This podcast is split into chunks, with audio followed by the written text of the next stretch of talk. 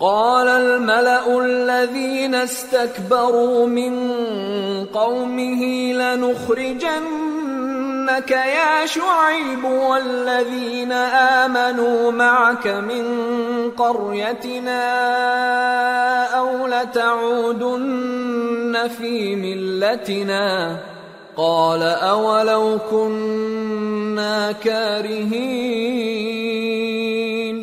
قد افترينا على الله كذبا إن عدنا في ملتكم بعد إذ نجانا الله منها وما يكون لنا أن نعود فيها إلا أن يشاء الله ربنا وسع ربنا كل شيء علما على الله توكلنا ربنا افتح بيننا وبين قومنا بالحق وانت خير الفاتحين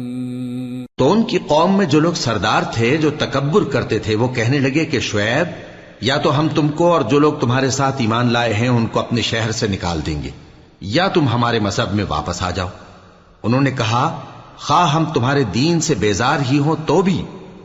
اگر ہم اس کے بعد کہ اللہ ہمیں اس سے نجات بخش چکا ہے، تمہارے مذہب میں لوٹ جائیں، تو بے شک ہم نے اللہ پر جھوٹ باندھا۔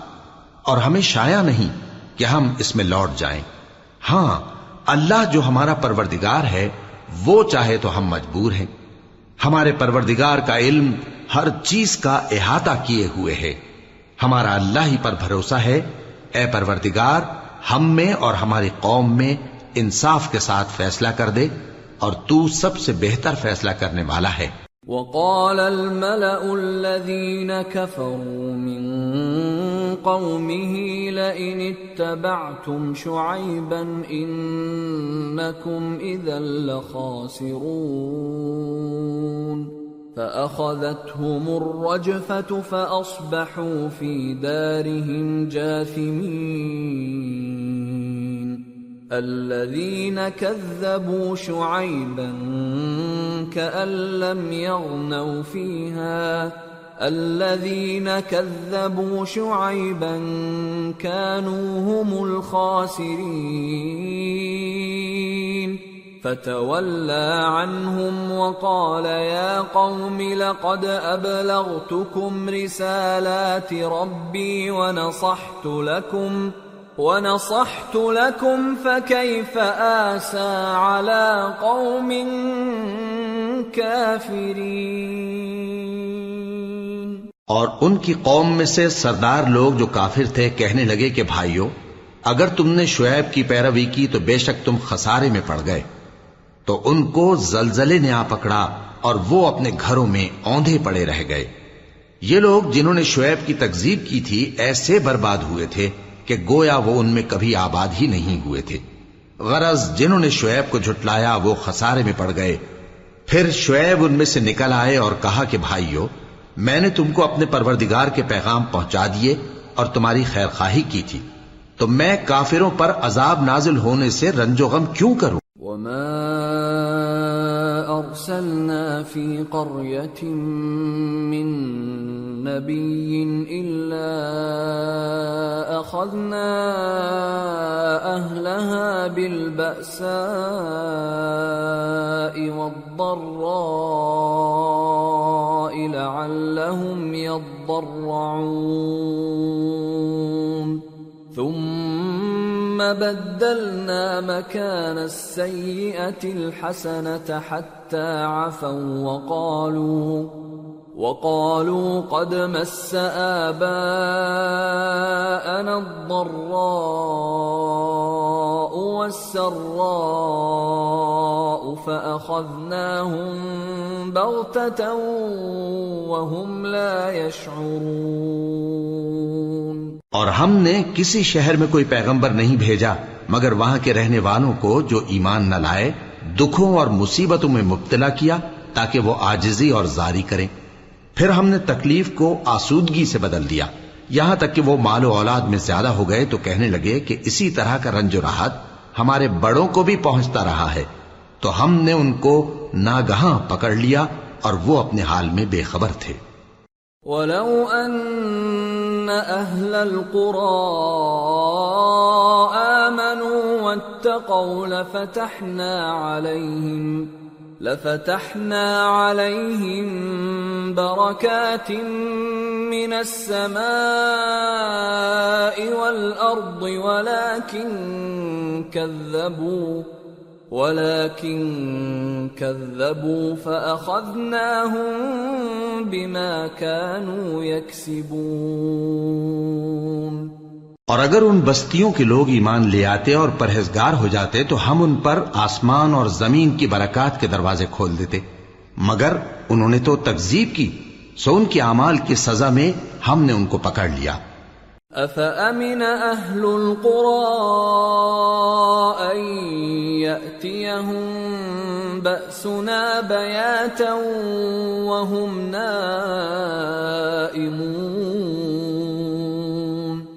اوامن أهل القرى ان ياتيهم باسنا ضحى وهم يلعبون أفأمنوا مكر الله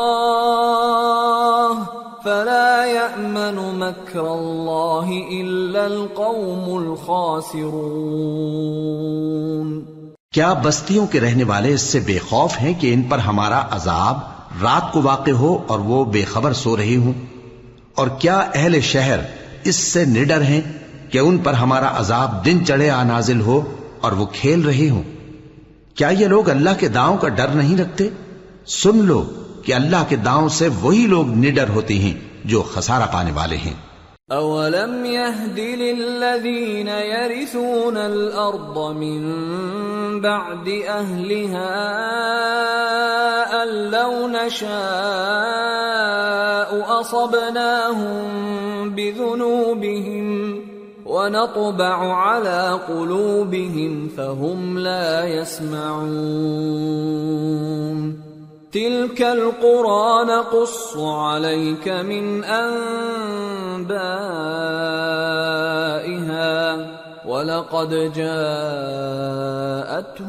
رسلهم بالبينات فما كانوا ليؤمنوا بما كذبوا من قبل كذلك يطبع الله على قلوب الكافرين. وما وجدنا لأكثرهم من عهد وإن وجدنا أكثرهم لفاسقين. کیا ان لوگوں کو جو اہل زمین کے مر جانے کے بعد زمین کے مالک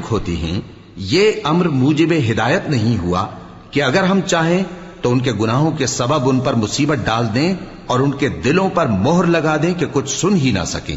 یہ بستیاں ہیں جن کے کچھ حالات ہم تم کو سناتے ہیں اور ان کے پاس ان کے پیغمبر نشانیاں لے کر آئے، مگر وہ ایسے نہیں تھے کہ جس چیز کو پہلے جھٹلا چکے ہوں اسے مان لیں اسی طرح اللہ کافروں کے دلوں پر مہر لگا دیتا ہے اور ہم نے ان میں سے اکثر لوگوں میں عہد کا پاس نہیں دیکھا اور ان میں اکثروں کو دیکھا تو بدکار ہی دیکھا ثم بعثنا من بعدهم موسى باياتنا إلى فرعون وملئه فظلموا بها فانظر كيف كان عاقبه المفسدين پھر ان پیغمبروں کے بعد ہم نے موسا کو نشانیاں دے کر فرعون اور اس کے درباریوں کے پاس بھیجا، تو انہوں نے ان کے ساتھ کفر کیا۔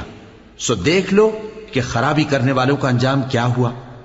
وقال موسى يا فرعون إني رسول من رب العالمين حقيق على ألا أقول على الله إلا الحق.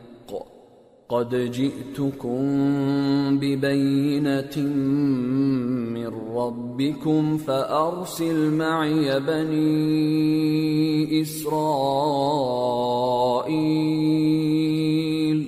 قال إن كنت جئت بآية فأت بها إن كنت من الصادقين. فألقى عصاه فإذا هي ثعبان مبين. ونزع يده فإذا هي بيضاء للناظرين. اور موسا نے کہا کہ اے فرعون، میں رب العالمین کا پیغمبر ہوں، مجھ پر واجب ہے کہ اللہ کی طرف سے جو کچھ کہوں، سچ ہی کہوں۔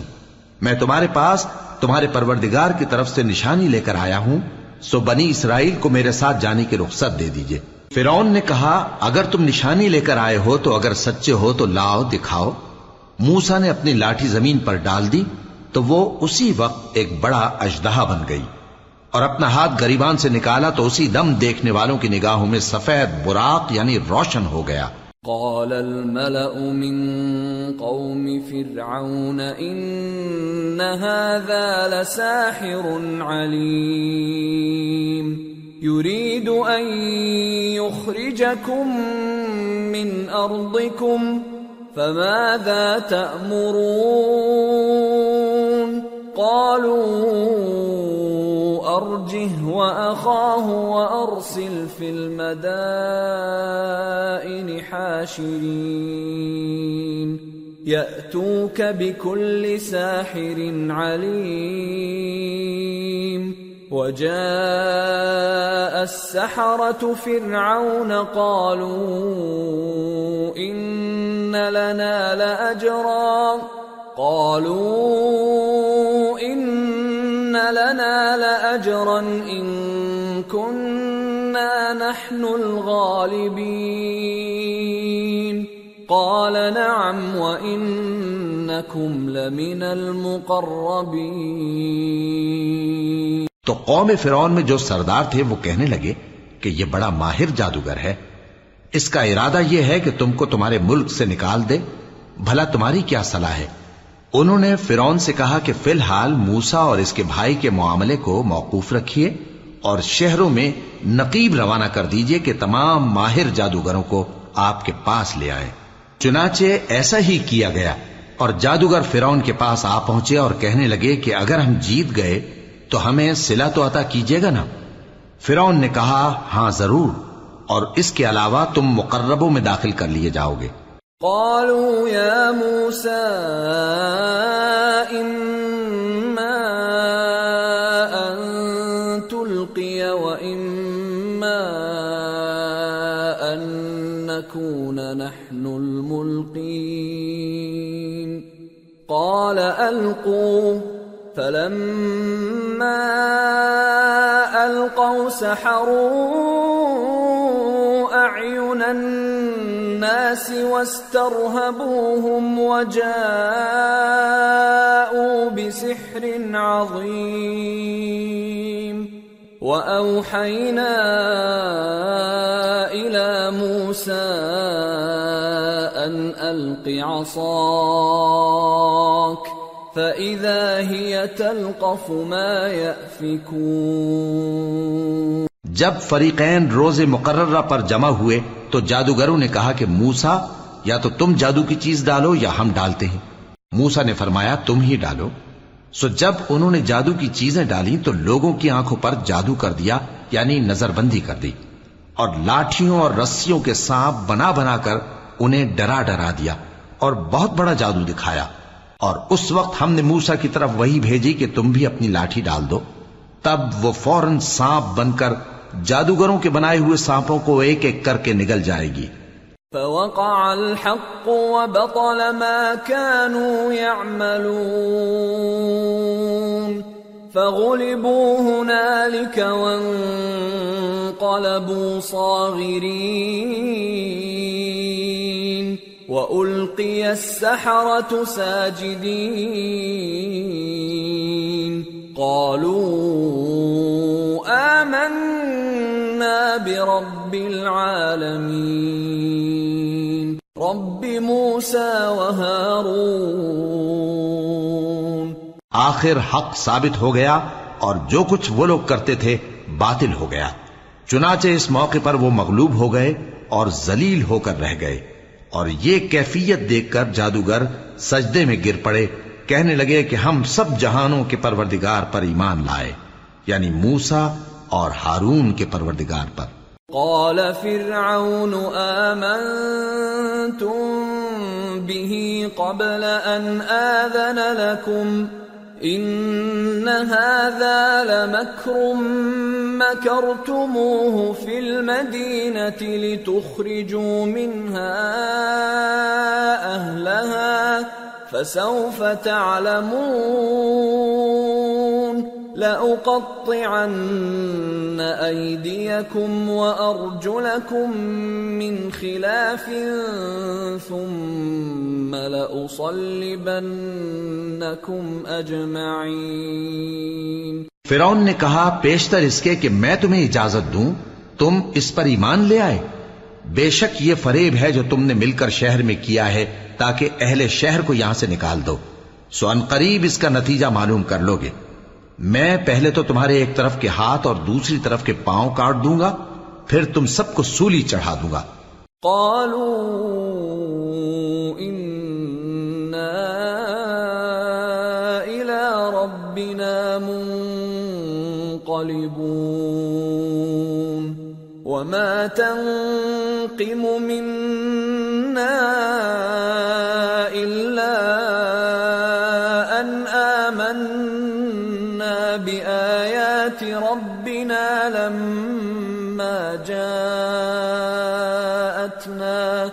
ربنا افرغ علينا صبرا وتوفنا مسلمين.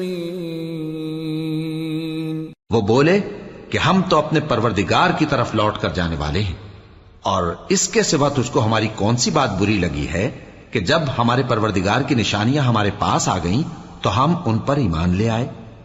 اے پروردگار، ہم پر صبر و استقامت کی دہانے کھول دے اور ہمیں فرمبرداروں کی حالت میں وفات دیجیو وقال الملأ من قوم فرعون أتذر موسى وقومه ليفسدوا في الأرض ويذرك وآلهتك قال سنقتل أبناءهم ونستحيي نساءهم وإنا فوقهم قاهرون اور قوم فرعون میں جو سردار تھے کہنے لگے کہ کیا آپ موسا اور اس کی قوم کو چھوڑ دیجیے گا کہ ملک میں خرابی کریں اور آپ کو اور آپ کے معبودوں کو چھوڑ دیں؟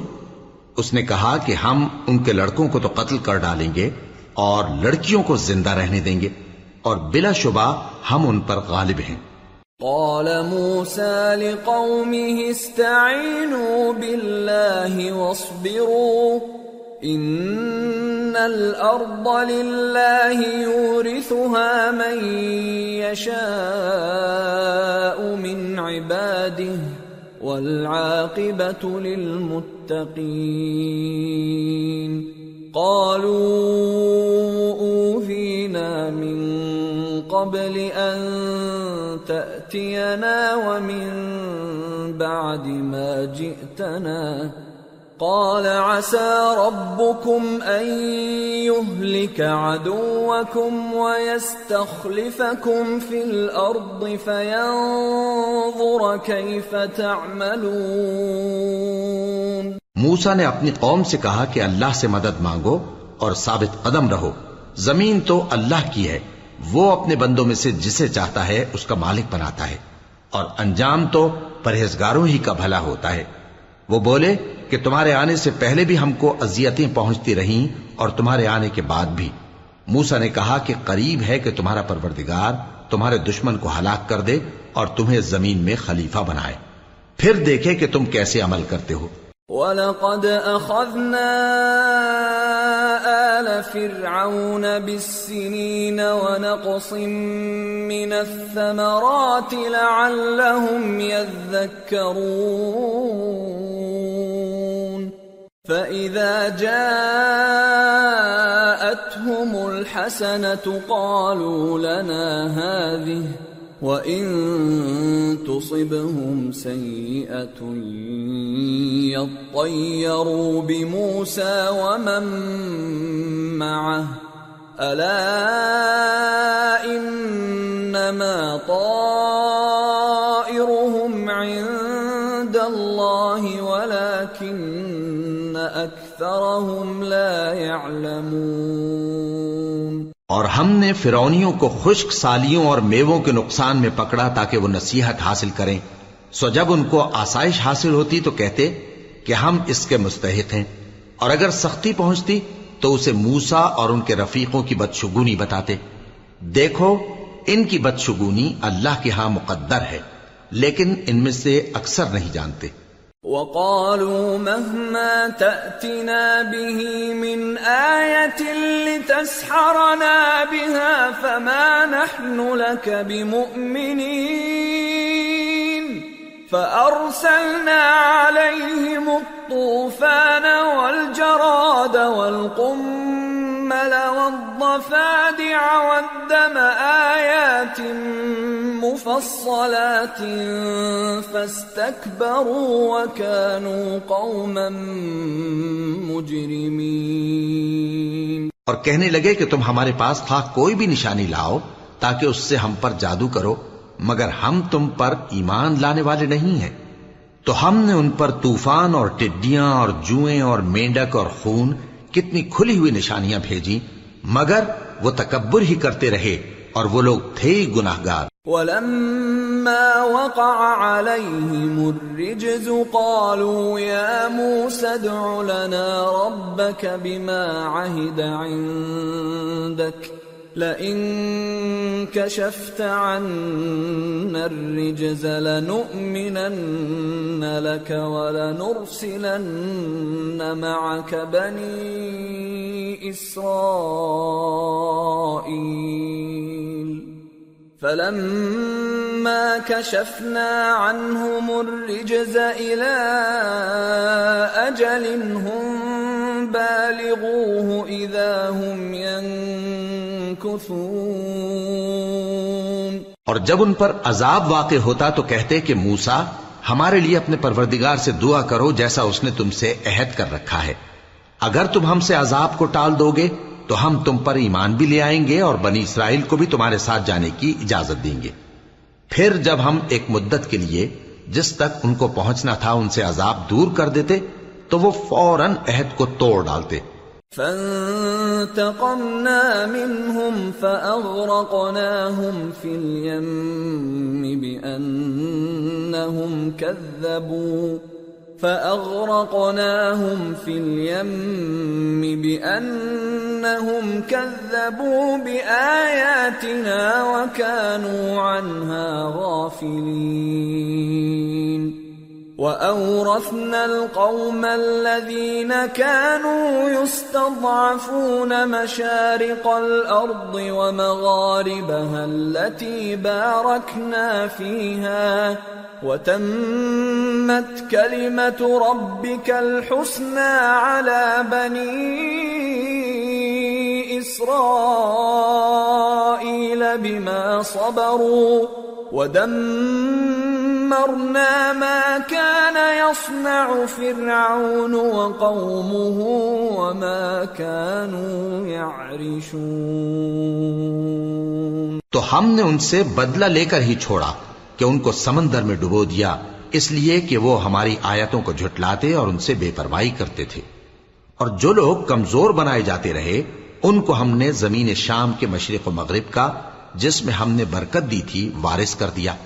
اور بنی اسرائیل کے بارے میں ان کے صبر کی وجہ سے تمہارے پروردگار کا وعدہ نیک پورا ہوا۔ اور فرون اور قوم فرون جو محل بناتے اور انگور کے باغ جو چھتریوں پر چڑھاتے تھے، سب کو ہم نے تباہ کر دیا۔ وجاوزنا ببني إسرائيل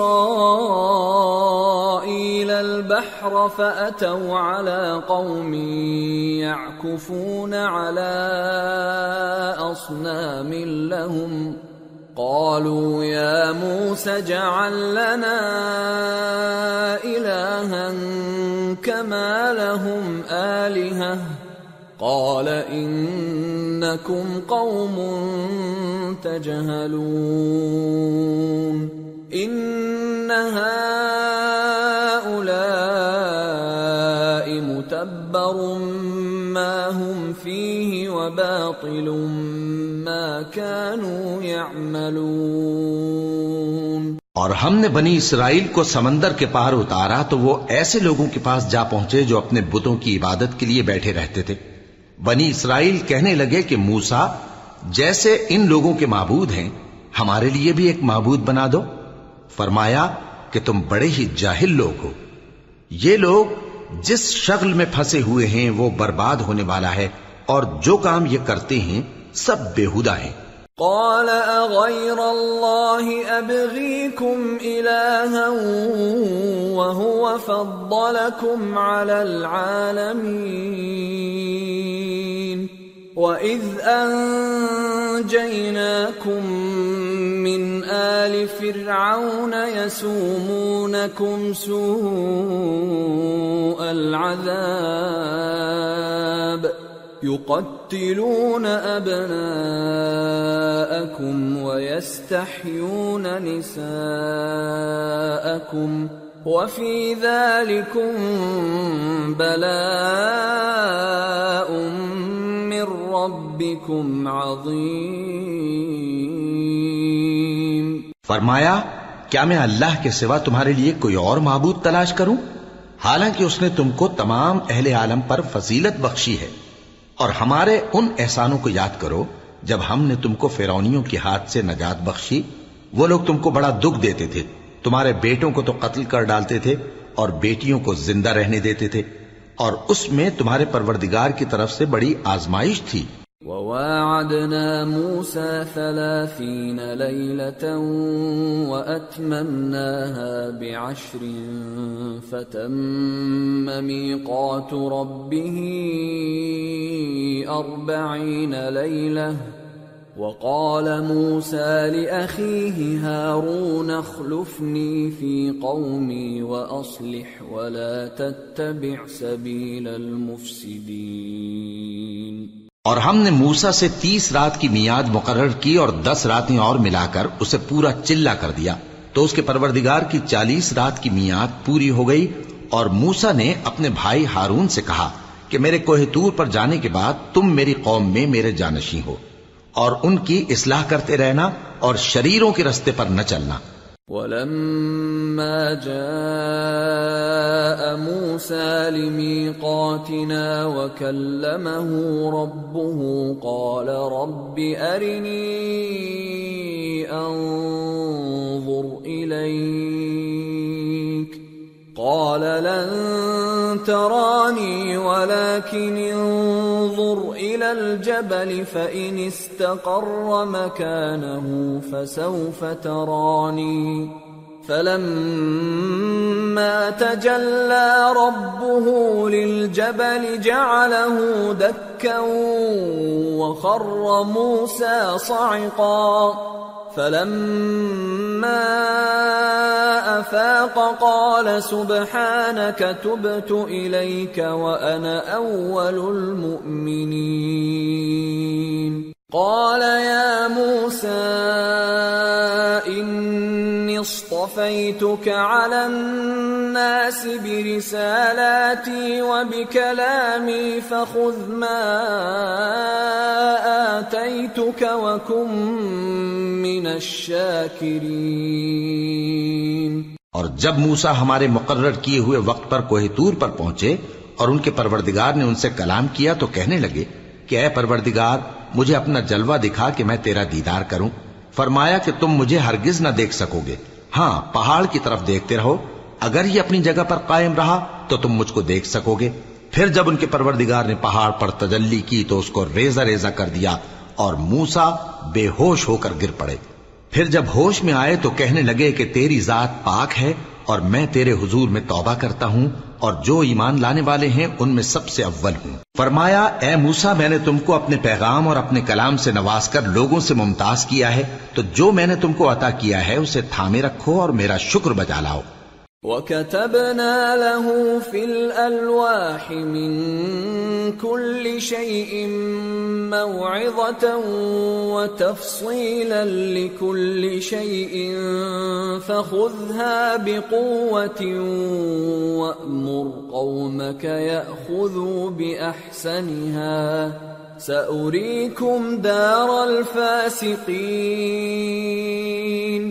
سأصرف عن آياتي الذين يتكبرون في الأرض بغير الحق وإن يروا كل آية لا يؤمنوا بها وإن يروا سبيل الرشد لا يتخذوه سبيلا وإن يروا سبيل الغي يتخذوه سبيلا ذلك بأنهم كذبوا بآياتنا وكانوا عنها غافلين. اور ہم نے تورات کی تختیوں میں ان کے لیے ہر قسم کی نصیحت اور ہر چیز کی تفصیل لکھ دی، پھر ارشاد فرمایا کہ اسے مضبوطی سے تھامے رہو اور اپنی قوم سے بھی کہہ دو کہ ان باتوں پر بہت اچھی طرح عمل کریں۔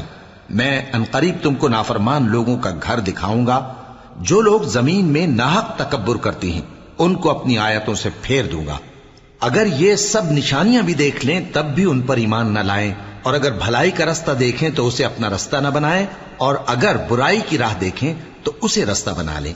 یہ اس لیے کہ انہوں نے ہماری آیات کو جھٹلایا اور ان سے غفلت کرتے رہے۔ والذين كذبوا بآياتنا ولقاء الآخرة حبطت أعمالهم هل يجزون إلا ما كانوا يعملون اور جن لوگوں نے ہماری آیتوں اور آخرت کی پیشی کو جھٹلایا، ان کے اعمال ضائع ہو جائیں گے۔ یہ جیسے عمل کرتے ہیں، ویسا ہی ان کو بدلہ ملے گا۔ واتخذ قوم موسى من بعده من حليهم عجلا جسدا له خوار. ألم يروا أنه لا يكلمهم ولا يهديهم سبيلا؟ اتخذوه وكانوا ظالمين. ولما سقط في أيديهم ورأوا أنهم قد ضلوا قالوا قالوا لئن لم يرحمنا ربنا ويغفر لنا لنكونن من الخاسرين. اور موسا کے بعد ان کی قوم نے اپنے زیور سے ایک بچڑا بنا لیا۔ وہ ایک جسم تھا جس میں سے بیل کی آواز نکلتی تھی۔ ان لوگوں نے یہ نہ دیکھا کہ وہ نہ ان سے بات کر سکتا ہے اور نہ ان کو رستہ دکھا سکتا ہے۔ اس کو انہوں نے معبود بنا لیا اور اپنے حق میں ظلم کیا۔ اور جب وہ نادم ہوئے اور دیکھا کہ گمراہ ہو گئے ہیں، تو کہنے لگے کہ اگر ہمارا پروردگار ہم پر رحم نہیں کرے گا اور ہم کو معاف نہیں فرمائے گا، تو ہم برباد ہو جائیں گے۔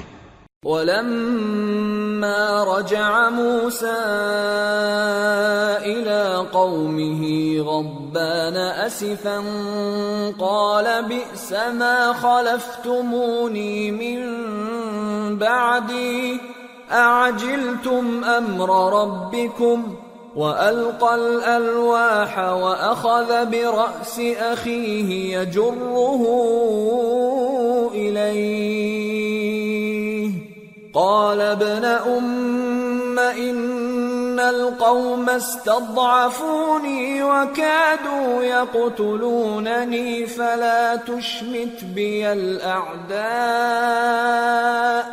فلا تشمت بي الأعداء ولا تجعلني مع القوم الظالمين قال رب اغفر لي ولأخي وأدخلنا في رحمتك وأنت أرحم الراحمين. اور جب موسا اپنی قوم میں نہایت غصے اور افسوس کی حالت میں واپس آئے، تو کہنے لگے کہ تم نے میرے بعد بہت ہی برا کام کیا۔ کیا تم نے اپنے پروردگار کا حکم جلد چاہا؟ یہ کہا اور شدت غضب سے تورات کی تختیاں ڈال دی اور اپنے بھائی کا سر پکڑ کر اپنی طرف کھینچنے لگے۔ انہوں نے کہا کہ بھائی جان، لوگ تو مجھے کمزور سمجھتے تھے اور قریب تھا کہ قتل کر دیں۔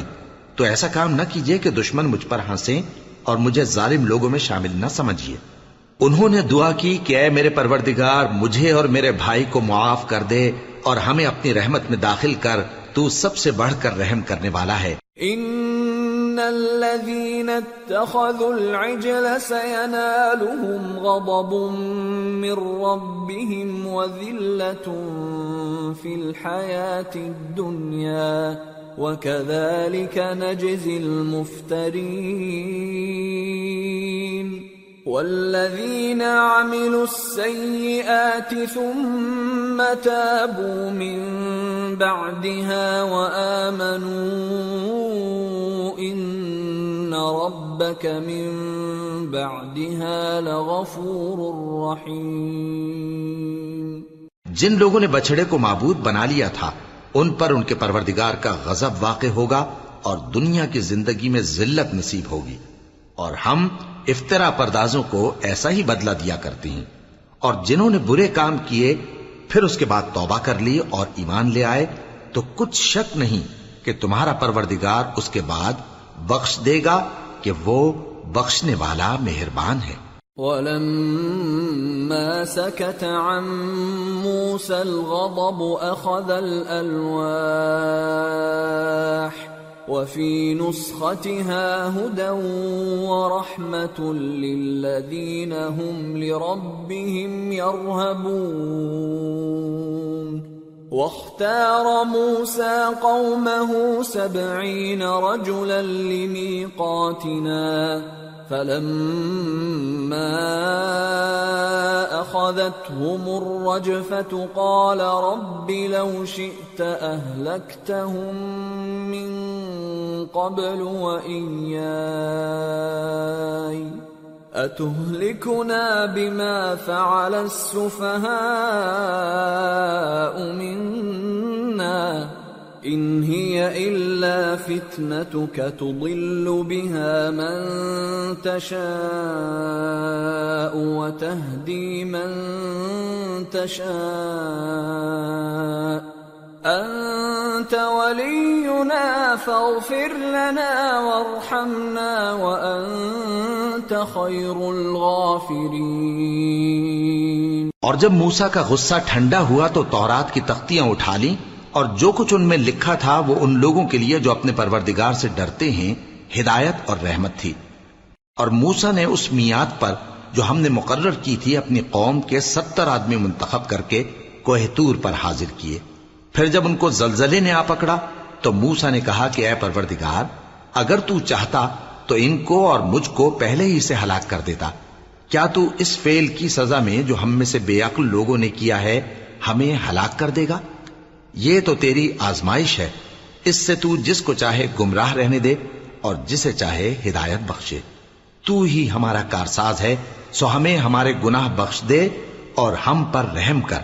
اور تو سب سے بہتر بخشنے والا ہے۔ واكتب لنا في هذه الدنيا حسنة وفي الآخرة إنا هدنا إليك۔ قال عذابي أصيب به من أشاء ورحمتي وسعت كل شيء فسأكتبها للذين يتقون ويؤتون الزكاة والذين هم بآياتنا يؤمنون اور ہمارے لیے اس دنیا میں بھی بھلائی لکھ دے اور آخرت میں بھی۔ ہم تیری طرف رجوع ہو چکے۔ فرمایا کہ جو میرا عذاب ہے، اسے تو جس پر چاہتا ہوں نازل کرتا ہوں، اور جو میری رحمت ہے، وہ ہر چیز کو شامل ہے۔ میں اس کو ان لوگوں کے لیے لکھ دوں گا جو پرہیزگاری کرتے اور زکات دیتے اور ہماری آیتوں پر ایمان رکھتے ہیں۔ الذين يتبعون الرسول النبي الأمي الذي يجدونه مكتوبا عندهم الذي يجدونه مكتوبا عندهم في التوراة والإنجيل يأمرهم بالمعروف يأمرهم بالمعروف وينهاهم عن المنكر ويحل لهم الطيبات. ويحل لهم الطيبات ويحرم عليهم الخبائث ويضع عنهم إصرهم والأغلال التي كانت عليهم فالذين آمنوا به وعزروه ونصروه واتبعوا النور الذي أنزل معه أولئك هم المفلحون وہ لوگ جو اس رسول یعنی نبی امی کی پیروی کرتے ہیں، جن کے اوصاف کو وہ اپنے ہاں تورات اور انجیل میں لکھا ہوا پاتے ہیں۔ وہ انہیں نیک کام کا حکم دیتے ہیں اور برے کام سے روکتے ہیں اور پاک چیزوں کو ان کے لیے حلال کرتے ہیں اور ناپاک چیزوں کو ان پر حرام ٹھہراتے ہیں اور ان پر سے بوجھ اور توق جو ان کے سر پر اور گلے میں تھے اتارتے ہیں۔ تو جو لوگ ان پر ایمان لائے اور ان کی رفاقت کی اور انہیں مدد دی اور جو نور ان کے ساتھ نازل ہوا ہے، اس کی پیروی کی، وہی مراد پانے والے قل يا أيها الناس إني رسول الله إليكم جميعا الذي له ملك السماوات والأرض. لا إله إلا هو يحيي ويميت. فآمنوا بالله ورسوله النبي الأمي. الذي يؤمن بالله وكلماته واتبعوه واتبعوه لعلكم تهتدون۔ اے نبی، کہہ دو کہ لوگو، میں تم سب کی طرف اس اللہ کا بھیجا ہوا ہوں جو آسمانوں اور زمین کا بادشاہ ہے۔ اس کے سوا کوئی معبود نہیں۔ وہی زندگانی بخشتا ہے اور وہی موت دیتا ہے۔ تو اللہ پر اور اس کے رسول پیغمبر امی پر جو اللہ پر اور اس کے تمام کلام پر ایمان رکھتے ہیں، ایمان لاؤ اور ان کی پیروی کرو تاکہ ہدایت پاؤ۔ ومن قوم موسى أمة يهدون بالحق وبه يعدلون وقطعناهم اثنتي عشرة أسباطا أمما وأوحينا إلى موسى إذ استسقاه قومه أن اضرب بعصاك الحجر فانبجست منه اثنتا عشرة عينا قد علم كل أناس مشربهم وظللنا عليهم الغمام وأنزلنا عليهم المن والسلوى. كلوا من طيبات ما رزقناكم وما ظلمونا ولكن كانوا أنفسهم يظلمون اور قوم موسا میں کچھ لوگ ایسے بھی ہیں جو حق کا رستہ بتاتے ہیں اور اسی کے مطابق انصاف کرتے ہیں۔ اور ہم نے ان کو یعنی بنی اسرائیل کو الگ الگ کر کے بارہ قبیلے اور بڑی بڑی جماعتیں بنا دیا اور جب موسا سے ان کی قوم نے پانی طلب کیا تو ہم نے ان کی طرف وہی بھیجی کہ اپنی لاٹھی پتھر پر مار دو۔ تو اس میں سے بارہ چشمے پھوٹ نکلے اور سب لوگوں نے اپنا اپنا گھاٹ معلوم کر لیا اور ہم نے ان کے سروں پر بادل کو سائبان بنائے رکھا اور ان پر من و سلوہ اتارتے رہے اور ان سے کہا کہ جو پاکیزہ چیزیں ہم تمہیں دیتے ہیں، انہیں کھاؤ۔ اور ان لوگوں نے ہمارا کچھ نقصان نہیں کیا، بلکہ جو نقصان کیا، اپنا ہی کیا۔ وَإِذْ قِيلَ لَهُمُ اسْكُنُوا هَٰذِهِ الْقَرْيَةَ وَكُلُوا مِنْهَا حَيْثُ شِئْتُمْ وَقُولُوا حِطَّةٌ وَقُولُوا حِطَّةٌ وَادْخُلُوا الْبَابَ سُجَّدًا نَّغْفِرْ لَكُمْ خَطِيئَاتِكُمْ سَنَزِيدُ الْمُحْسِنِينَ فبدل الذين ظلموا منهم قولا غير الذي قيل لهم فأرسلنا عليهم فأرسلنا عليهم رجزا من السماء بما كانوا يظلمون اور یاد کرو جب ان سے کہا گیا کہ اس شہر میں سکونت اختیار کر لو اور اس میں جہاں سے جی چاہے کھانا پینا۔ اور ہاں شہر میں جانا تو حدتن کہنا۔ اور دروازے میں داخل ہونا تو سجدہ کرتے ہوئے۔ تو ہم تمہارے گناہ معاف کر دیں گے اور نیکی کرنے والوں کو اور زیادہ دیں گے۔ مگر جو ان میں ظالم تھے، انہوں نے اس لفظ کو جس کا ان کو حکم دیا گیا تھا بدل کر اس کی جگہ اور لفظ کہنا شروع کیا۔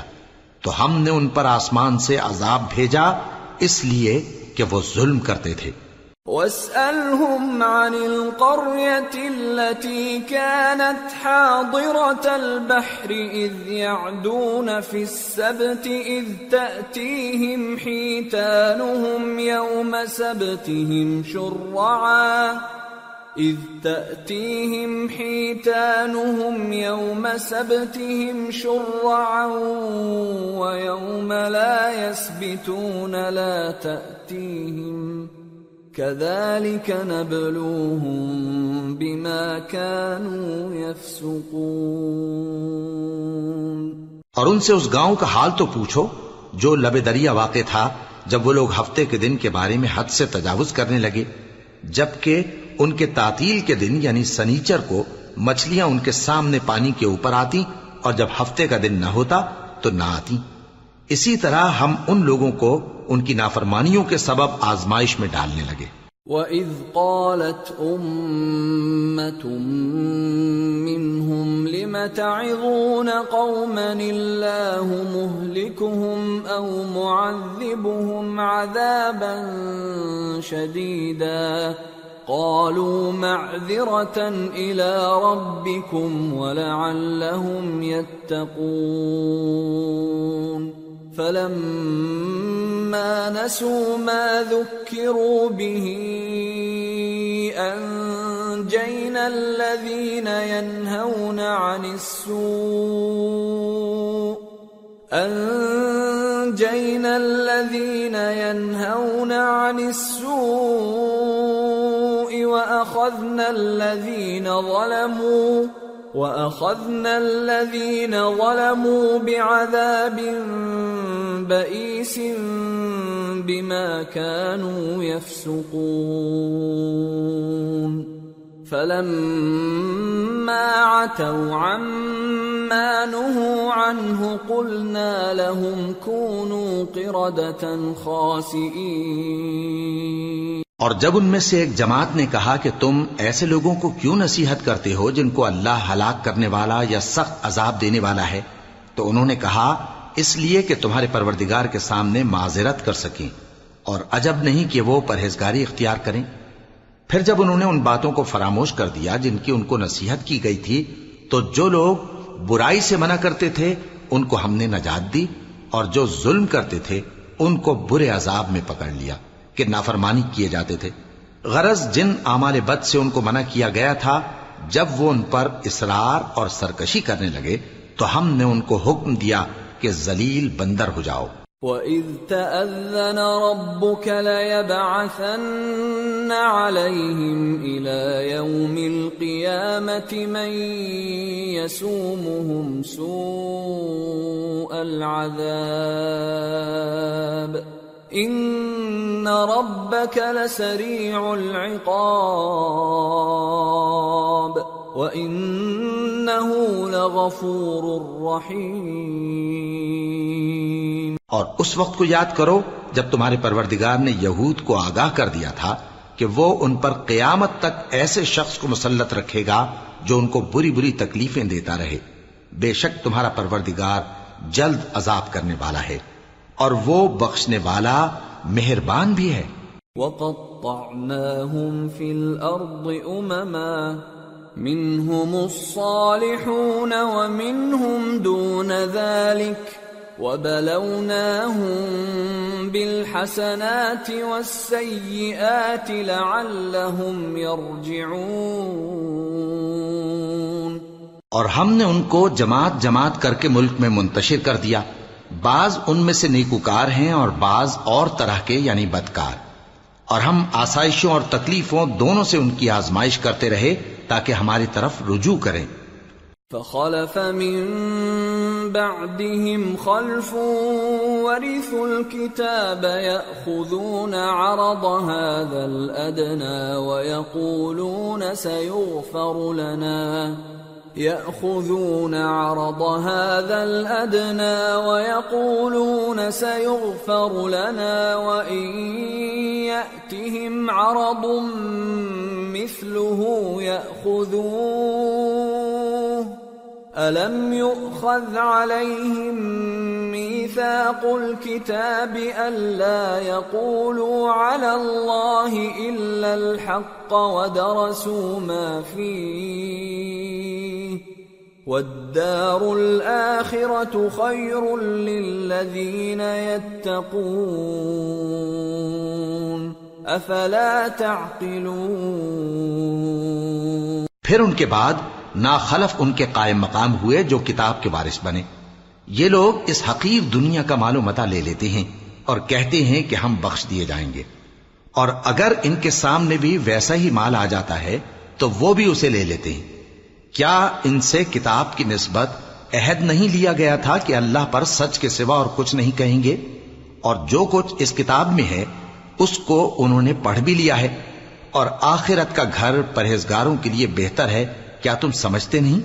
والذين يمسكون بالكتاب وأقاموا الصلاة إنا لا نضيع أجر المصلحين وإذ نتقنا الجبل فوقهم كأنه ظلة وظنوا وظنوا أنه واقع بهم خذوا ما آتيناكم بقوة واذكروا واذكروا ما فيه لعلكم تتقون اور جو لوگ کتاب کو مضبوط پکڑے ہوئے ہیں اور نماز کا اہتمام کرتے ہیں، ان کو ہم اجر دیں گے کہ ہم نیکوکاروں کا اجر ضائع نہیں کرتے۔ اور جب ہم نے ان کے سروں پر پہاڑ اٹھا کھڑا کیا، گویا وہ سائبان تھا اور انہوں نے خیال کیا کہ وہ ان پر گرتا ہے، تو ہم نے کہا کہ جو ہم نے تمہیں دیا ہے اسے زور سے پکڑے رہو اور جو اس میں لکھا ہے اسے یاد رکھو تاکہ پرہیزگار بن جاؤ۔ وَإِذْ أَخَذَ رَبُّكَ مِن بَنِي آدَمَ مِن ظُهُورِهِمْ ذُرِّيَّتَهُمْ وَأَشْهَدَهُمْ وَأَشْهَدَهُمْ عَلَىٰ أَنفُسِهِمْ أَلَسْتُ بِرَبِّكُمْ قَالُوا بَلَىٰ شَهِدْنَا أَن تَقُولُوا يَوْمَ الْقِيَامَةِ إِنَّا كُنَّا عَنْ هَٰذَا غَافِلِينَ. أَوْ تَقُولُوا إِنَّمَا أَشْرَكَ آبَاؤُنَا مِن قَبْلُ وَكُنَّا ذُرِّيَّةً مِّن بَعْدِهِمْ ۖ أَفَتُهْلِكُنَا بِمَا فَعَلَ الْمُبْطِلُونَ وَكَذَلِكَ نُفَصِّلُ الْآيَاتِ وَلَعَلَّهُمْ يَرْجِعُونَ اور جب تمہارے پروردگار نے بنی آدم سے یعنی ان کی پیٹھوں سے ان کی اولاد نکالی تو ان سے خود ان کے مقابلے میں اقرار کرا لیا۔ یعنی ان سے پوچھا، کیا میں تمہارا پروردگار نہیں ہوں؟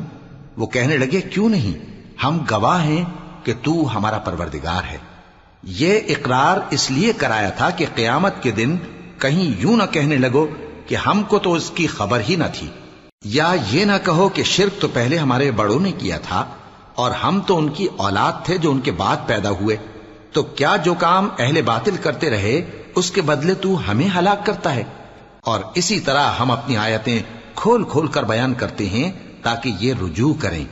واتل عليهم نبأ الذي آتيناه آياتنا فانسلخ منها فانسلخ منها فأتبعه الشيطان فكان من الغاوين۔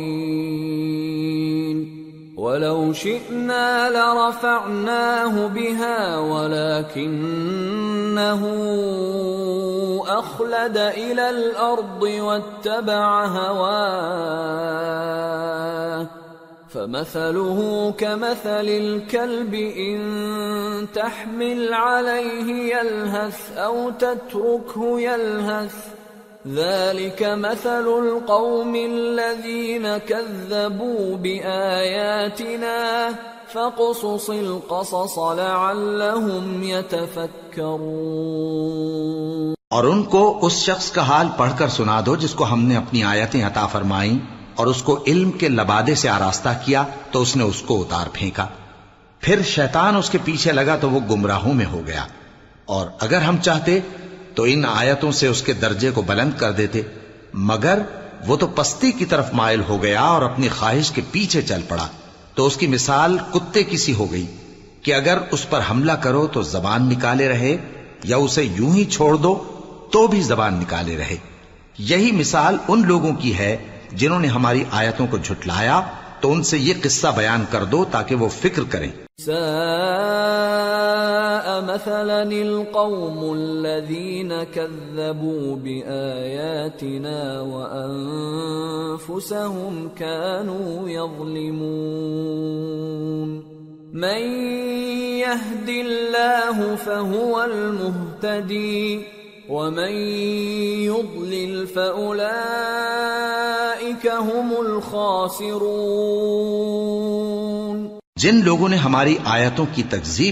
کی ان کی مثال بری ہے اور انہوں نے نقصان کیا تو اپنا ہی کیا۔ جس کو اللہ ہدایت دے، وہی راہیاب ہے، اور جس کو گمراہ رہنے دے، تو ایسے ہی لوگ نقصان اٹھانے والے ہیں۔ وَلَقَدْ ذَرَأْنَا لِجَهَنَّمَ كَثِيرًا مِنَ الْجِنِّ وَالْإِنسِ لهم قلوب لا يفقهون بها ولهم أعين لا يبصرون بها ولهم آذان لا يسمعون بها أولئك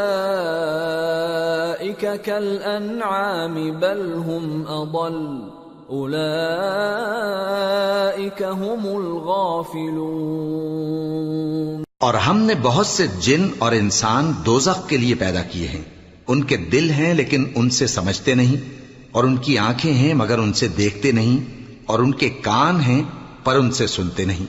یہ لوگ بالکل چوپایوں کی طرح ہیں، بلکہ ان سے بھی زیادہ بھٹکے ہوئے۔ یہی وہ ہیں جو غفلت میں پڑے ہوئے ہیں۔ وَلِلَّهِ الْأَسْمَاءُ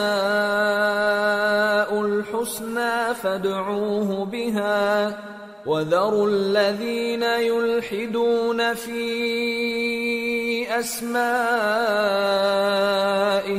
سَيُجْزَوْنَ مَا كَانُوا يَعْمَلُونَ وَمِمَّنْ خَلَقْنَا أُمَّةٌ يَهْدُونَ بِالْحَقِّ وَبِهِ يَعْدِلُونَ اور اللہ کے سب نام اچھے ہی اچھے ہیں، تو اس کو انہی ناموں سے پکارا کرو اور جو لوگ اس کے ناموں میں کجی اختیار کرتے ہیں، ان کو چھوڑ دو۔ وہ جو کچھ کر رہے ہیں، ان قریب اس کی سزا پائیں گے۔ اور ہماری مخلوقات میں سے وہ لوگ بھی ہیں جو حق کا رستہ بتاتی ہیں اور اسی کے مطابق انصاف کرتی ہیں۔ والذين كذبوا بآياتنا سنستدرجهم من حيث لا يعلمون وأملي لهم إن كيدي متين اور جن لوگوں نے ہماری آیتوں کو جھٹلایا، ان کو ہم بتدریج اس طرح پکڑیں گے کہ ان کو معلوم ہی نہیں ہوگا۔ اور میں ان کو مہلت دیے جاتا ہوں میری تدبیر بڑی مضبوط ہے۔ اولم يتفكروا ما بصاحبهم من جنة ان هو الا نذير مبين اولم ينظروا ملكوت السماوات والأرض وما خلق الله من شيء وأن عسى وأن عسى أن يكون قد اقترب أجلهم. فبأي حديث بعده يؤمنون؟ من الله فلا هادي له ويذرهم في طغيانهم يعمهون کیا انہوں نے غور نہیں کیا کہ ان کے رفیق یعنی پیغمبر کو کسی طرح کا بھی جنون نہیں ہے؟ وہ تو صاف صاف خبردار کرنے والے ہیں۔ کیا انہوں نے آسمان اور زمین کی بادشاہت میں اور جو چیزیں اللہ نے پیدا کی ہیں، ان پر نظر نہیں کی؟ اور اس بات پر خیال نہیں کیا کہ عجب نہیں کہ ان کی موت کا وقت نزدیک پہنچ گیا ہو، تو اس کے بعد وہ اور کس بات پر ایمان لائیں گے؟ جس شخص کو اللہ گمراہ رہنے دے، اس کو کوئی ہدایت دینے والا نہیں، اور وہ ان گمراہوں کو چھوڑے رکھتا ہے کہ اپنی سرکشی میں پڑے بہکتے رہے يسألونك عن الساعة أيان مرساها؟ قل إنما علمها عند ربي لا يجليها لوقتها إلا هو. ثقلت في السماوات والأرض لا تأتيكم إلا بغتة. يسألونك كأنك حفي عنها قل إنما علمها عند الله ولكن أكثر الناس لا يعلمون یہ لوگ تم سے قیامت کے بارے میں پوچھتے ہیں کہ اس کے واقع ہونے کا وقت کب ہے؟ کہہ دو کہ اس کا علم تو میرے پروردگار ہی کو ہے۔ وہی اسے اس کے وقت پر ظاہر کر دے گا، وہ آسمان اور زمین میں ایک بھاری بات ہوگی اور ناگہاں تم پر آ جائے گی۔ یہ تم سے اس طرح دریافت کرتے ہیں کہ گویا تم اس سے بخوبی واقف ہو۔ کہو کہ اس کا علم تو اللہ ہی کو ہے، لیکن اکثر لوگ یہ نہیں جانتے۔ قل لا أملك لنفسي نفعا ولا ضرا إلا ما شاء الله ولو كنت أعلم الغيب لاستكثرت من الخير وما مسني السوء ان انا الا نذير وبشير لقوم يؤمنون. کہہ دو کہ میں اپنے فائدے اور نقصان کا کچھ بھی اختیار نہیں رکھتا، مگر وہ جو اللہ چاہے۔ اور اگر میں غیب کی باتیں جانتا ہوتا، تو بہت سے فائدے جمع کر لیتا اور مجھ کو کوئی تکلیف نہ پہنچتی۔ میں تو مومنوں کو ڈر اور خوشخبری سنانے والا ہوں۔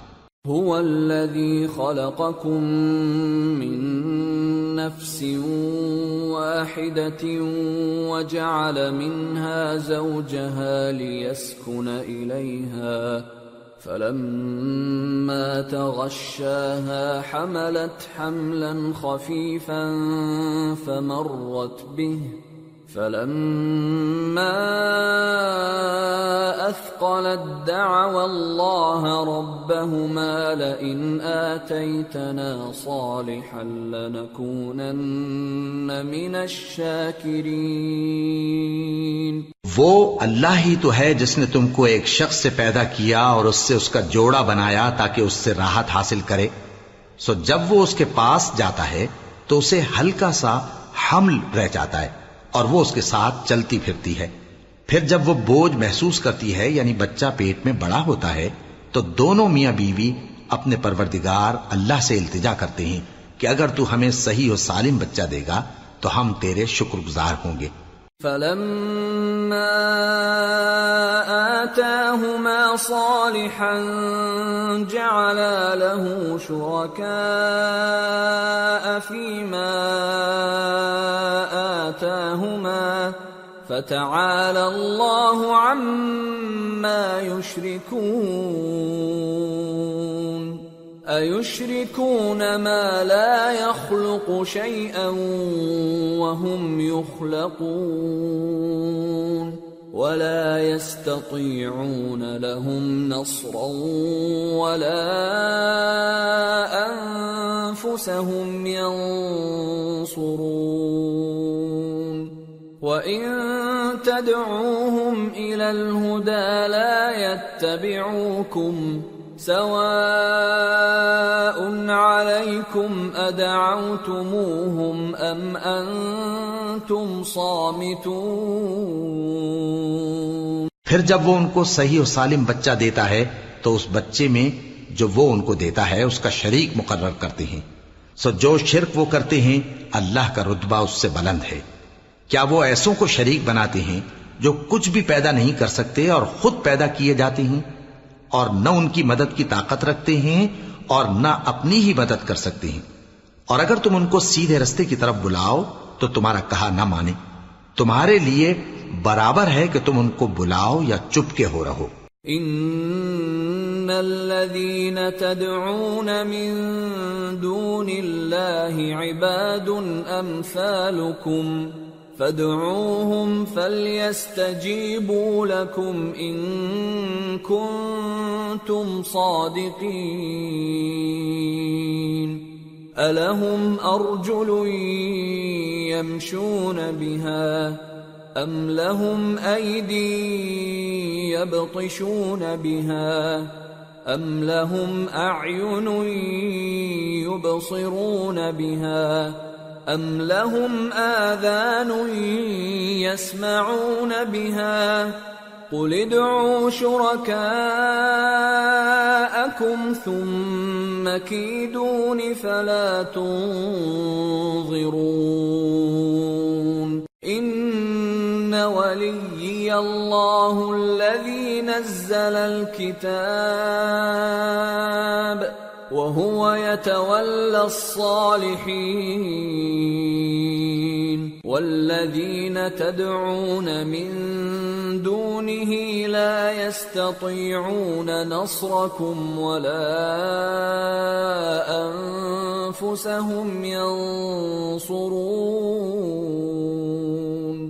وإن تدعوهم إلى الهدى لا يسمعون. وتراهم ينظرون إليك وهم لا يبصرون. مشرکو، جن کو تم اللہ کے سوا پکارتے ہو، تمہاری طرح کے بندے ہی ہیں۔ اچھا تم ان کو پکارو۔ اگر سچے ہو تو چاہیے کہ وہ تم کو جواب بھی دے۔ بھلا ان کے پاؤں ہیں جن سے چلیں، یا ہاتھ ہیں جن سے پکڑیں، یا آنکھیں ہیں جن سے دیکھیں، یا کان ہیں جن سے سنیں۔ کہہ دو کہ اپنے شریکوں کو بلا لو اور میرے بارے میں جو تدبیر کرنی ہو کر لو اور مجھے کچھ مہلت بھی نہ دو۔ پھر دیکھو کہ وہ میرا کیا کر سکتی ہیں۔ میرا مددگار تو اللہ ہی ہے جس نے کتاب برحق نازل کی اور وہ نیک لوگوں کو دوست رکھتا ہے۔ اور جن کو تم اللہ کے سوا پکارتے ہو، وہ نہ تمہاری مدد کی طاقت رکھتے ہیں اور نہ خود اپنی ہی مدد کر سکتے ہیں۔ اور اگر تم ان کو سیدھے رستے کی طرف بلاؤ تو سن نہ سکیں۔ اور تم انہیں دیکھتے ہو کہ بظاہر آنکھیں کھولے تمہاری طرف دیکھ رہے ہیں، مگر فی الواقع کچھ نہیں دیکھتے۔ خذ العفو وأمر بالعرف وأعرض عن الجاهلين وإما ينزغنك من الشيطان نزغ فاستعذ بالله سميع عليم.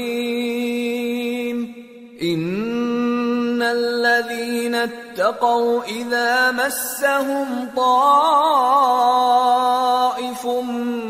من الشيطان تذكروا تذكروا فإذا هم مبصرون وإخوانهم يمدونهم في الغي ثم لا يقصرون اے نبی افو درگزر اختیار کرو اور نیک کام کرنے کا حکم دو اور جاہلوں سے کنارہ کر لو۔ اور اگر شیطان کی طرف سے تمہارے دل میں کسی طرح کا وسوسہ پیدا ہو تو اللہ سے پناہ مانگو۔ بے شک وہ سننے والا ہے، سب کچھ جاننے والا ہے۔ جو لوگ پرہیزگار ہیں، جب ان کو شیطان کی طرف سے کوئی وسوسہ پیدا ہوتا ہے تو چونک پڑتے ہیں اور دل کی آنکھیں کھول کر دیکھنے لگتے ہیں۔ اور ان کفار کے بھائی انہیں گمراہی میں کھینچے جاتے ہیں۔ پھر اس میں کسی طرح کی کوتاہی نہیں کرتے۔ وَإِذَا لَمْ تَأْتِهِمْ بِآيَةٍ قَالُوا لَوْلَا اجْتَبَيْتَهَا قل انما اتبع ما يوحى الي من ربي هذا بصائر من ربكم وهدى ورحمة لقوم يؤمنون. وإذا قرئ القرآن فاستمعوا له وأنصتوا لعلكم ترحمون. اور جب تم ان کے پاس کچھ دنوں تک کوئی آیت نہیں لاتے تو کہتے ہیں کہ تم نے اپنی طرف سے کیوں نہیں بنا لی؟ کہہ دو کہ میں تو اسی حکم کی پیروی کرتا ہوں جو میرے پروردگار کی طرف سے میرے پاس آتا ہے۔ یہ قرآن تمہارے پروردگار کی جانب سے دانش و بصیرت اور مومنوں کے لیے ہدایت اور رحمت ہے۔ اور جب قرآن پڑھا جائے تو توجہ سے سنا کرو اور خاموش رہا کرو تاکہ تم پر رحم کیا جائے۔ وَاذْكُرْ رَبَّكَ فِي نَفْسِكَ تَضَرُّعًا وَخِيفَةً وَدُونَ الْجَهْرِ مِنَ الْقَوْلِ بِالْغُدُوِّ وَالْآصَالِ وَلَا تَكُن مِّنَ الْغَافِلِينَ إن الذين عند ربك لا يستكبرون عن عبادته ويسبحونه ويسبحونه وله يسجدون. اور اپنے پروردگار کو دل ہی دل میں آجزی اور خوف سے اور پست آواز سے صبح و شام یاد کرتے رہو اور دیکھنا غافل نہ ہونا جو لوگ تمہارے پروردگار کے پاس ہیں۔ وہ اس کی عبادت سے روگردانی نہیں کرتے اور اس پاک ذات کو یاد کرتے اور اس کے آگے سجدے کرتے رہتے ہیں۔ سورة الانفال بسم اللہ الرحمن الرحیم۔ يسألونك عن الانفال قل الانفال لله والرسول فاتقوا الله واصلحوا ذات بينكم واطيعوا الله ورسوله ان كنتم مؤمنين شروع اللہ کا نام لے کر جو بڑا مہربان، نہایت رحم والا ہے۔ اے نبی، مجاہد لوگ تم سے غنیمت کے مال کے بارے میں دریافت کرتے ہیں کہ کیا حکم ہے۔ کہہ دو کہ غنیمت اللہ اور اس کے رسول کا مال ہے، تو اللہ سے ڈرو اور آپس میں صلح رکھو۔ اور اگر ایمان رکھتے ہو، تو اللہ اور اس کے رسول کے حکم پر چلو۔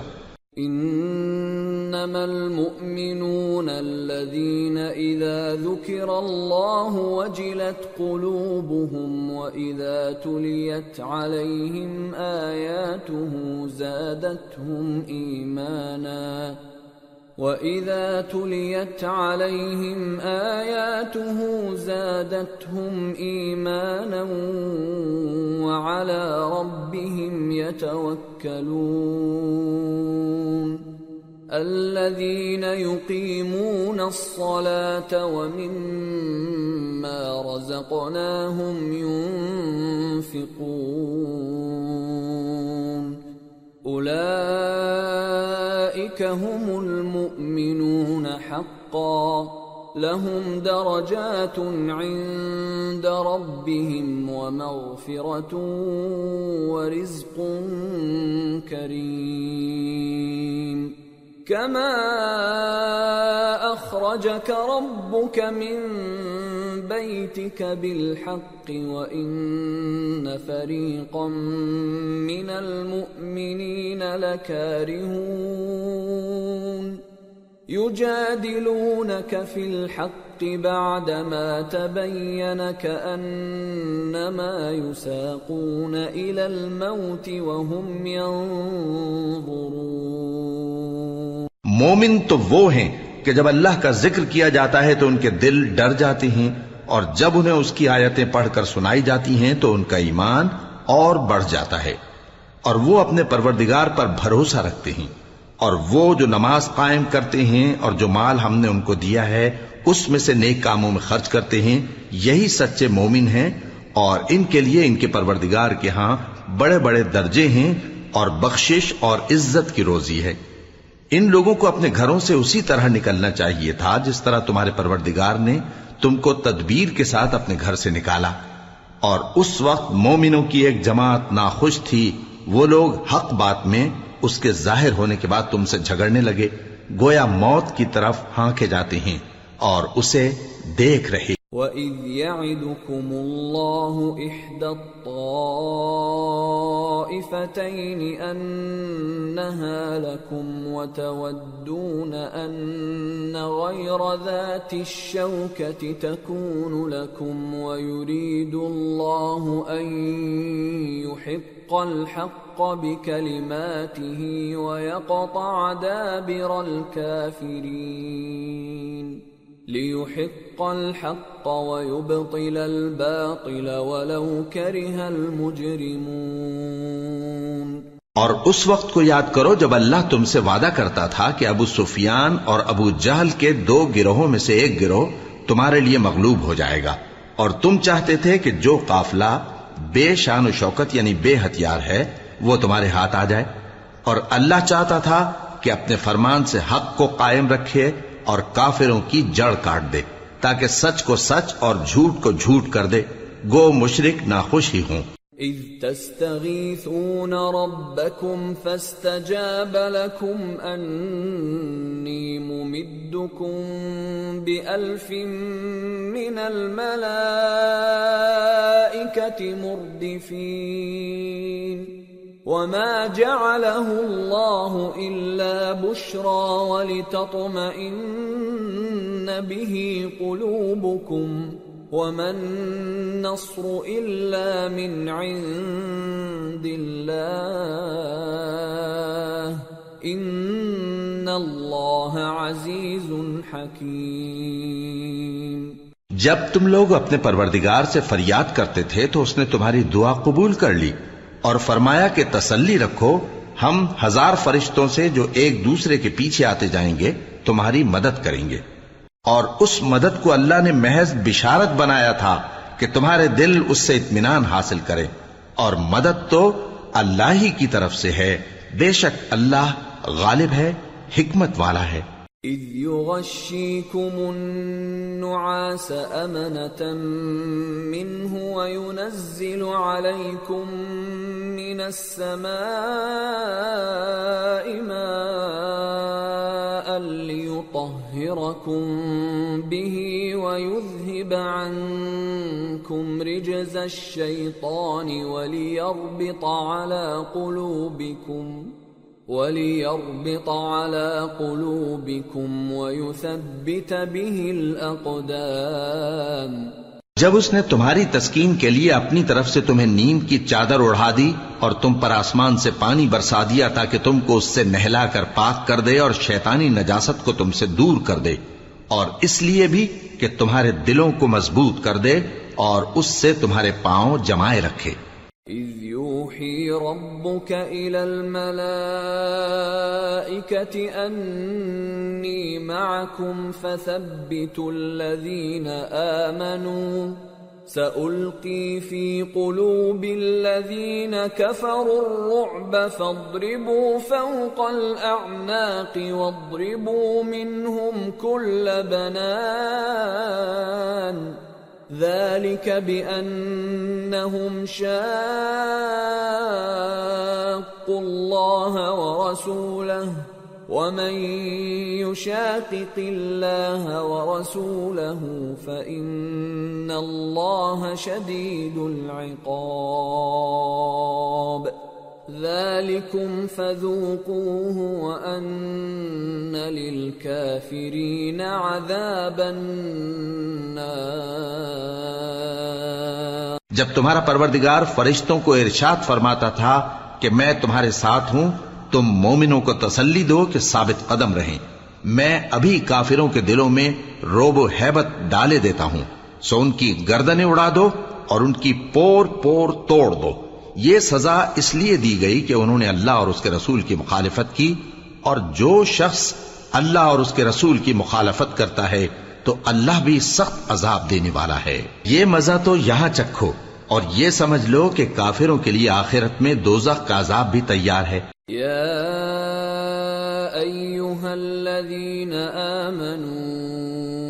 إذا لقيتم الذين كفروا زحفا فلا تولوهم الأدبار ومن يولهم يومئذ دبره إلا متحرفا لقتال أو متحيزا إلى فئة فقد باء فقد باء بغضب من الله ومأواه جهنم وبئس المصير اے اہل ایمان، جب میدان جنگ میں کفار سے تمہارا مقابلہ ہو، تو ان سے پیٹھ نہ پھیرنا۔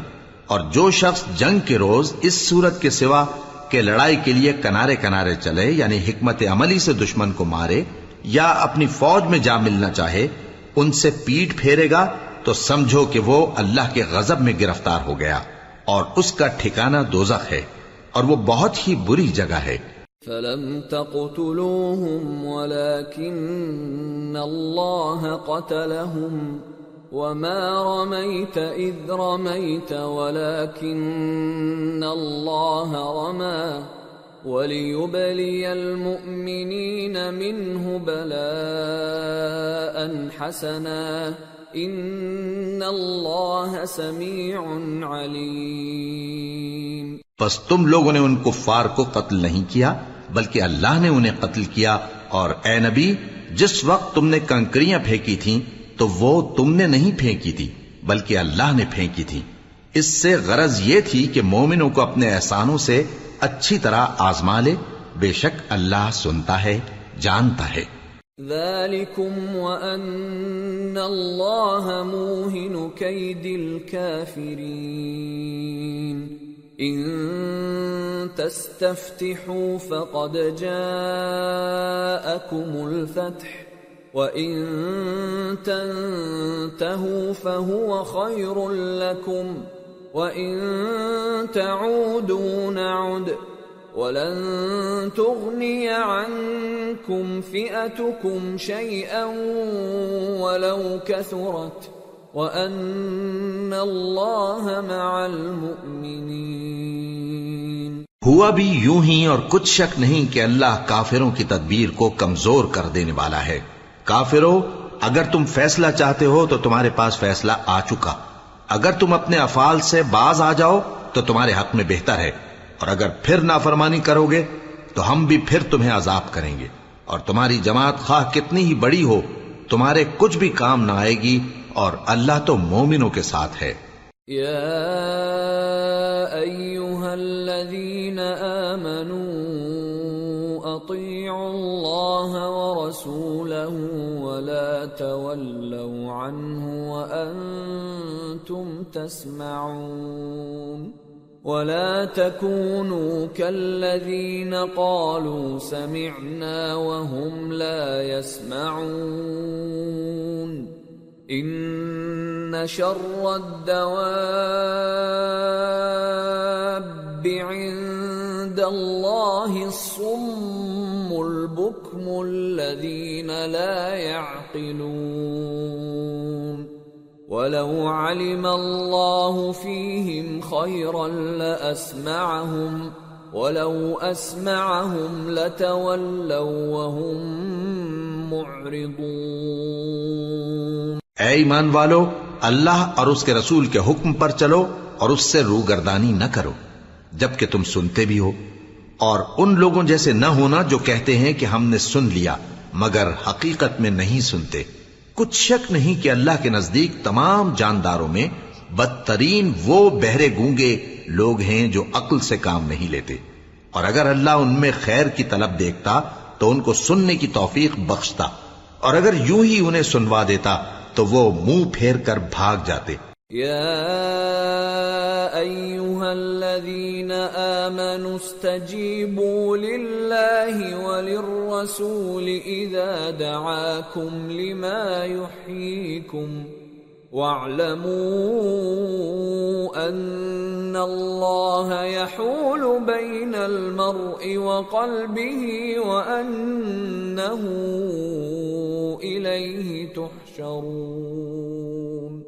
واتقوا فتنة لا تصيبن الذين ظلموا منكم خاصة واعلموا أن الله شديد العقاب. مومنو، اللہ اور اس کے رسول کا حکم قبول کرو۔ جبکہ رسول تمہیں ایسے کام کے لیے بلاتے ہیں جو تم کو زندگی جاویداں بخشتا ہے اور جان رکھو کہ اللہ آدمی اور اس کے دل کے درمیان حائل ہو جاتا ہے اور یہ بھی کہ تم سب اس کے روبرو جمع کیے جاؤ گے۔ اور اس فتنے سے ڈرو جو خصوصیت کے ساتھ انہی لوگوں پر واقع نہ ہوگا جو تم میں گناہگار ہیں اور جان رکھو کہ اللہ سخت عذاب دینے والا ہے۔ واذكروا إذ أنتم قليل مستضعفون في الأرض تخافون تخافون أن يتخطفكم الناس فآواكم وأيدكم بنصره ورزقكم ورزقكم من الطيبات لعلكم تشكرون. اور اس وقت کو یاد کرو جب تم زمین مکہ میں قلیل اور ضعیف سمجھے جاتے تھے اور ڈرتے رہتے تھے کہ لوگ تمہیں اڑا نہ لے جائیں یعنی ختم نہ کر دیں۔ تو اس نے تم کو جگہ دی اور اپنی مدد سے تم کو تقویت بخشی اور پاکیزہ چیزیں کھانے کو دیں تاکہ اس کا شکر کرو۔ يا ايها الذين امنوا لا تخونوا الله والرسول وتخونوا لكم وأنتم تعلمون. واعلموا أنما أموالكم وأولادكم فتنة وأن الله عنده أجر عظيم. أي من والو نہ تو اللہ اور رسول سے خیانت کرو اور نہ اپنی امانتوں میں خیانت کرو، اور تم ان باتوں کو جانتے ہو۔ اور جان رکھو کہ تمہارا مال اور اولاد بڑی آزمائش ہے، اور یہ کہ اللہ کے پاس نیکیوں کا بڑا ثواب ہے۔ يا ايها الذين تتقوا الله يجعل لكم فرقانا ويكفر عنكم سيئاتكم ويغفر لكم والله ذو الفضل العظيم مومنو، اگر تم اللہ سے ڈرو گے تو وہ تمہارے لیے حق و باطل کا فرق ظاہر کر دے گا اور تمہارے گناہ مٹا دے گا اور تمہیں بخش دے گا اور اللہ بڑے فضل والا ہے۔ وَإِذْ يَمْكُرُ بِكَ الَّذِينَ كَفَرُوا لِيُثْبِتُوكَ أَوْ يَقْتُلُوكَ أَوْ يُخْرِجُوكَ وَيَمْكُرُونَ وَيَمْكُرُ اللَّهُ وَاللَّهُ خَيْرُ الْمَاكِرِينَ وَإِذَا تُتْلَى عَلَيْهِمْ آيَاتُنَا قَالُوا قَدْ سَمِعْنَا قالوا قد سمعنا لو نشاء لقلنا مثل هذا ان هذا الا اساطير الاولين اور اس وقت کو یاد کرو جب کافر لوگ تمہارے بارے میں چال چل رہے تھے کہ تم کو قید کر دیں یا جان سے مار دیں یا وطن سے نکال دیں۔ تو ادھر تو وہ چال چل رہے تھے۔ اور ادھر اللہ تدبیر کر رہا تھا اور اللہ بہترین تدبیر کرنے والا ہے۔ اور جب ان کو ہماری آیتیں پڑھ کر سنائی جاتی ہیں تو کہتے ہیں، یہ کلام ہم نے سن لیا ہے، اگر ہم چاہیں تو اسی طرح کا کلام ہم بھی کہہ دیں۔ اور یہ ہے ہی کیا؟ صرف اگلے لوگوں کی حکایتیں ہیں۔